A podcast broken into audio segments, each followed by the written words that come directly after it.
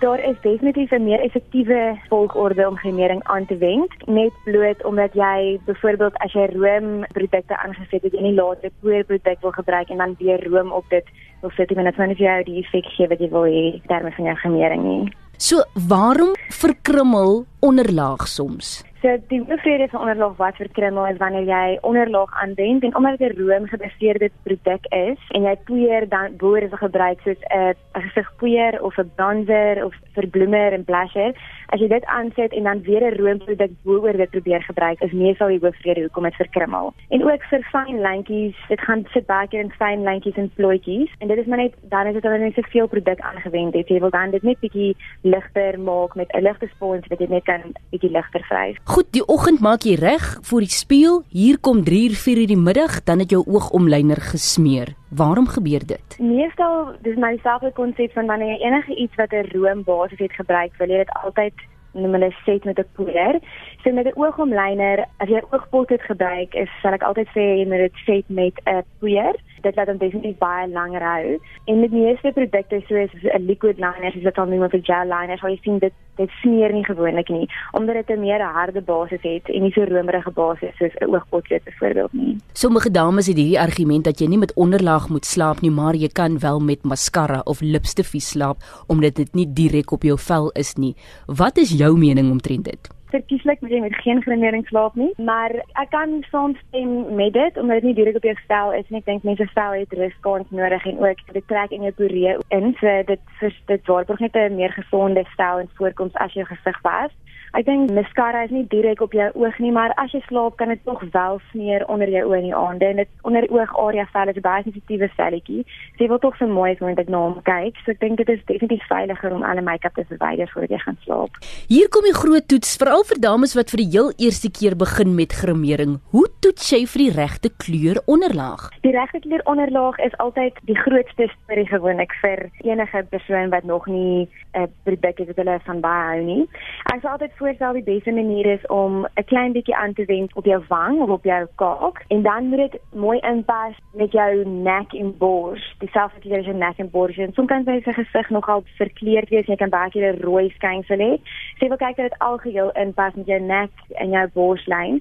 En dan sal ek ook vir mense sê kry 'n sampel van die produk wat jy wil koop gaan wen dit aan by die huis, neem 'n foto van jouself met dit aan, sien hoe dit lyk op die foto, kyk hoe dit lyk as jy buite is en in natuurlike lig, waar jy nie in gebou of in 'n winkel is wat beligting het nie en dit is maar die beste manier om te toets of die regte klere is voor jy dit eintlik koop. Is daar 'n verskil tussen trougremering en 'n gewone fotosessie vir tydskrifte? Die twee grootste faktore wat 'n rol speel is maar die klere wat jy gebruik en dan die beligting vir 'n fotosessie en vir 'n troue.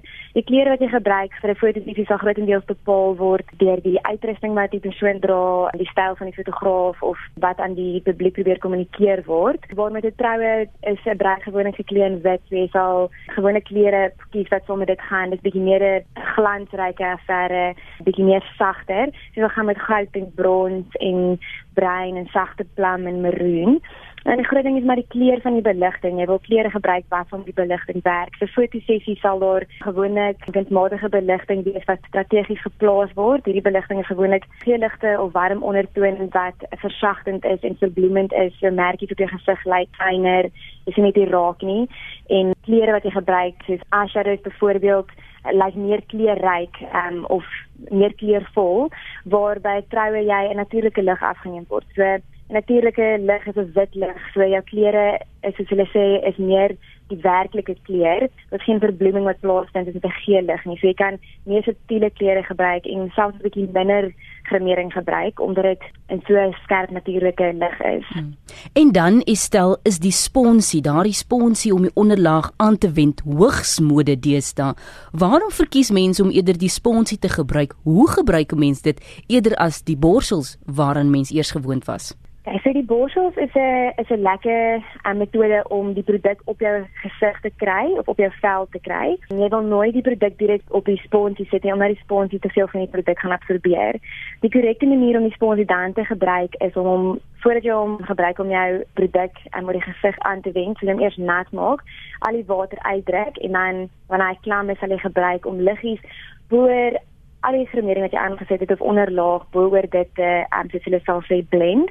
Um, en dit gee dan vir jou 'n baie galige um, vertoning van die gremering, geen lyne nie en alles blend soos hulle sal sê net baie mooi in. Met kontuurlyne is dit dieselfde konsep. Jou kontuurlyne is net meer strategies trek om dan die struktuur van jou gesig te beklemtoon. So dis dieselfde konsep. Jy sal jou jou lyne intrek waar jy wil diepte hê en ligter lyne waar jy bietjie wil meer uitbring en dan sal jy ook dit blend met of equasie of met responsie. Is dit ek sien baie keer op YouTube of dan op Instagram hierdie kort video's van dames en hulle begin gewoonlik met die onderlaag wat eintlik die regte ding is, maar dan het hulle drie verskillende soorte onderlaag. Die gewone een wat soort van oor die hele gesig aangewend word, die donkerder een vir die kontourlyne spesifiek en dan 'n selfs nog ligter een vir onder die oog. Is dit werklik nodig dat jy drie kleure nodig het? Dit is nie werklik nodig nie. Daar is alternatiewe produkte of metodes wat jy kan gebruik om dieselfde effek te kry. Dit is op die oomblik 'n groot mode hier is die wat hulle van noem vir contouring. Jy kan alhoewel ook 'n onderlaag aansit en dan om die diepte te kry in die gesig 'n bronzer gebruik wat in poeiervorm kom en dan om net lig onder die oë te maak kan jy net 'n concealer steeds gebruik of 'n highlighter. Leave love me En dit dan Estel Pretorius. Volgens is dit Hester Maxson en sy noem haarself 'n hoë definisie grimeerkunstenaar. Sy begin met 'n paar fokuspunte op jou gesig.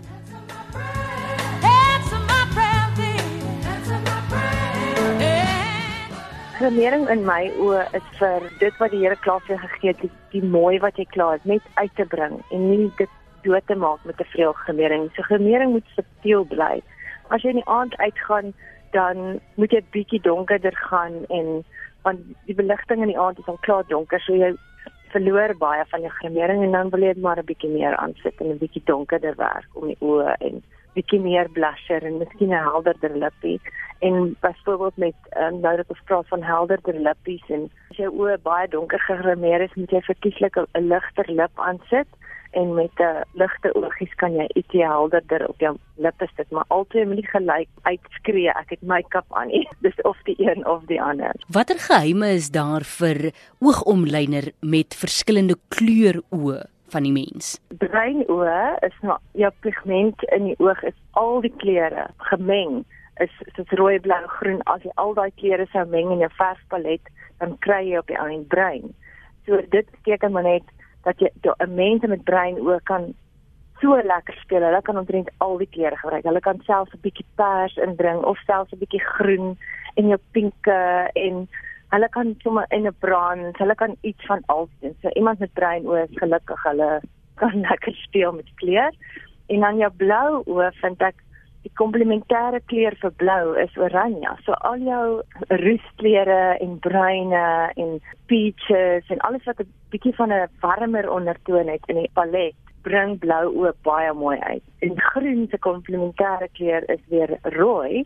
So mens wil nou nie rooi eyeshadow op groen sit nie, maar dan kies jy weer iets met jou dan dis amper so dis die naaste kleur aan blou. So weer eens kan jy teruggaan met jou warm kleure en dan pers bring groen oor verskriklik mooi uit en dit klink nou redelik erg om te sê jy kan pers eyeshadow opsit, maar mens kry jy hoef nou nie 'n helder pers op te sit nie. Ek kies 'n bruin pers, 'n warm pers, nie 'n koue pers nie. Die warm sê al klaar vir jou daar's rooi in die pers, so dit bring die groen mooier uit. So al jou warmer kleure werk vir groen en blou ook. Jou kouer kleure is selfs as dit 'n kouer pers is, lyk dit mooier op bruin ook. Wat doen 'n mens met jou T-sone wat baie gou olierig raak? Ja, daar is 'n uh, roompies op die mark wat sê oil control. So gewoonlik as ek 'n gremering doen met so iemand dan sal ek my oil control roompie, so hy droog al die olies en, en dit is nie sleg vir jou vel nie. Dit maak nie die poree nou groter word of kleiner word nie. Dit blok net die olies. Smeer net die olies daai roompie op jou T-sone en dan sit jy 'n foundation bo oor daai T-sone. En dan hou die make-up gel dag. Dan het jy nie die make-up wat afgly die hele tyd op jou T-sone nie.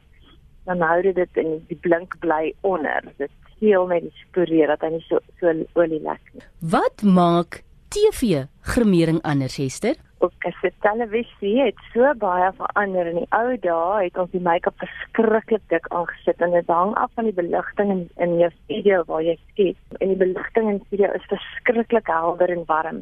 So ons het verskriklik baie gremering aangesit om die vel heeltemal toe te blok en meer kleur aan te sit. So dit lyk amper soos 'n straatvrou se make-up as as ons ehm um, klaar is met dit, maar dit dit moet so wees want die beligting is so warm so dit dit drink al die kleur weer op en as as sy op die, uiteindelik op kamera verskyn, dan verdwyn die make-up sodat dit dit lyk sy in elk geval heeltemal normaal, maar op kamera lyk sy sag en en, en uh, natuurlik, maar van kamera af het sy verskriklik baie gremering aan. So televisiegremering is heeltemal anders as 'n daggremering. Mm. Dit is baie make-up.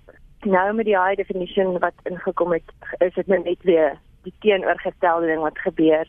Ons probeer nou dit natuurlik as moontlik werk want die kamera sien soveel meer. Right? Dit is 'n tienvoudig dit wat jy met jou oë sien, sien die kamera nou 10 keer meer as om deur 'n vergrootglas te kyk. So ons werk nou die televisie make-up het nou heeltemal teruggegaan na die natuurlike ding toe ons plak nie meer make-up so aan nie. So dit is nou omtrent soos 'n daggremering en televisiegremering het 'n daggremering geword. Maar mans het ook gremering nodig vir die kamera. Hoekom? Net soos 'n vrou het mans maar ook merkies op hulle velle, pigmentasie, rooi neusies, klein aartjies wat gebars is, 'n T-zoon wat oorrig is, 'n baard wat on egale groei, wenkbroue wat onegale groei of nie te donker genoeg is vir die kamera om dit te lees nie, so dan verdwyn die wenkbroue, so ons vul wenkbroue in op mans, ons maak dit 'n klein bietjie donkerder. Ons sit nie mascara aan op mans nie, ons sit met 'n bietjie ehm, 'n um, swart poeiertjie aan want jy wil nog steeds die mens sien soos wat hy in die regte lewe lyk. So ons sit nog steeds foundation aan en poeier om die T-zones en en daai olierigheid in die vel te verbloem. Met televisie, as jou persoon blink op kamera, dan lyk dit amper asof jy hierdie mens nie kan vertrou nie. So enigiemand wat sweet lyk gespanne. So mm. net soos met die vrouens moet moet mans ook gepoeier word want jy wil soos met 'n byvoorbeeld 'n nuusproduksie waar iemand nuus lees. Wil jy glo wat hierdie mens sê en as hy blink dan lyk dit asof hy nie jy hom nie kan glo nie want hy sien nie agtig, maar eintlik is dit net die olies in sy natuurlike vel wat die ligte optel en dan lyk dit soos soos 'n sweterigheid. So ons poeier die mans of ons sit foundation aan om net die vel mooi in in kleur te kry en die poeier help om daai senuweeagtigheid wat vir die kyker sleg is net te verbloem. En hierdie is nou jou veld. Spuitkwas tegniek of baie mense ken dit as airbrushing. Wanneer het dit so groot geword en wat is dit presies? Airbrushing is 'n gewone klein spuitmasjienkie, dit is 'n kompressortjie met 'n airbrush vooraan en dan sit ons die foundation binne in die airbrush en ons sprei al die foundation aan. Well, airbrushing het omtrent so in 2010 het ek die eerste airbrush ingebring vir Suid-Afrika en um, ek het Amerika toe gegaan en 'n kursus daar gedoen. Dit is ongelooflik nou dat die kamera so baie kan sien dat hy alles 10 keer groter maak as wat dit normaalweg is. Die foundation wat nou in die airbrush ingaan is 'n nanoproduk. Dit beteken die molekules van die produk is gehalveer. So dit is fyn, fyn, fyn gremering en die kamera lees nou hierdie foundation as 'n pixel. So sodra die kamera op die vel kom, dan sien hy pixels en hy lees dit as vel. So die gremering is so dun dees wat ons gebruik vir 'n filmproduksies en vir stilproduksies vir soos vir 'n tydskrif voorblad. Ons doen verskriklike dun fyn make-up nou want die kamera sien soveel meer. So as jy 'n gewone foundation sou gebruik op 'n high definition kamera, dan tel daai kamera die grofheid van die molekules op in die make-up en dit lyk soos make-up jou akteurs moet lyk asof hulle net doodgewone natuurlike mense is. Jy wil glo dit wat jy sien. So jy wil nie meer hierdie dik geplakte gesigte sien en dit is alles net 'n illusie van die gremering wat ons nou deesdae gebruik laat alles soveel meer natuurlik lyk. En dit is baie baie fyn. Dit is baie dan laagies en voel omtrent nie of jy gremering aan is nie. En daar's baie produkte op die mark wat sê high definition foundation, maar dit is nie 100% die molekules is nie so klein dat dit deur 'n airbrush kan gaan nie. So jy kan nie enige grimering deur enige uh, airbrush spuit nie. Selfs al sê dit op die botteltjie high definition en jy koop dit net by 'n gewone grimeerwinkel. Die make-up is baie gespesialiseer wat ons daardeur spuit nou. The moment I wake up